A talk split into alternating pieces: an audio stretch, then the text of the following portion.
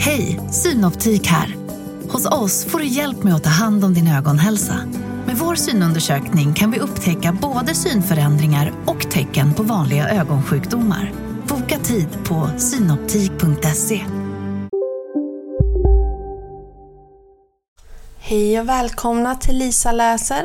Det är jag som är Lisa och idag ska jag läsa ur Puck den lille alfen och sagan om Bruno och hans snabelbekymmer. Bruno hade krupit ihop för en liten tupplur bland de pollenrika blommorna i trollskogen. Han stack upp sin snabel mellan bladen för att kunna andas in den friska luften och så somnade han. Men eh, han skulle aldrig ha stuckit upp snabeln där. Bzz, bzz, bzz, sjöng Bibi och kröp lyckligt in i blommornas söta, nektarfyllda inre. Så upptäckte hon plötsligt en alldeles ny spännande blomma.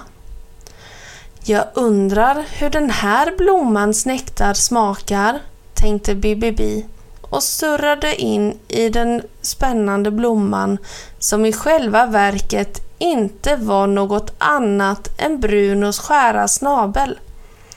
Ti! pep Bruno och vaknade till med ett ryck.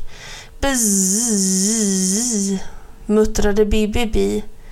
Så insåg hon att den nya spännande blomman var Bruno.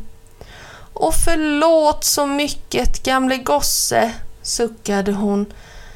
Men du borde faktiskt se upp lite bättre var du stoppar din snabel.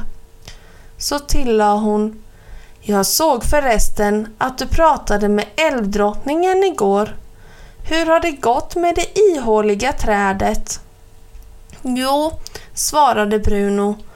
När drottningen behöver använda det ihåliga trädet får ekorrarna vara i hennes palats och när drottningen använder palatset får ekorrarna bo i trädet som vanligt. Så förnuftigt, surrade Bibibi. Om bara du kunde hitta någonstans att stoppa din snabel medan du sover, ja då vore allting perfekt, eller hur? Och så flög hon sin väg. Hon snipp, snapp, snut så var denna korta saga slut.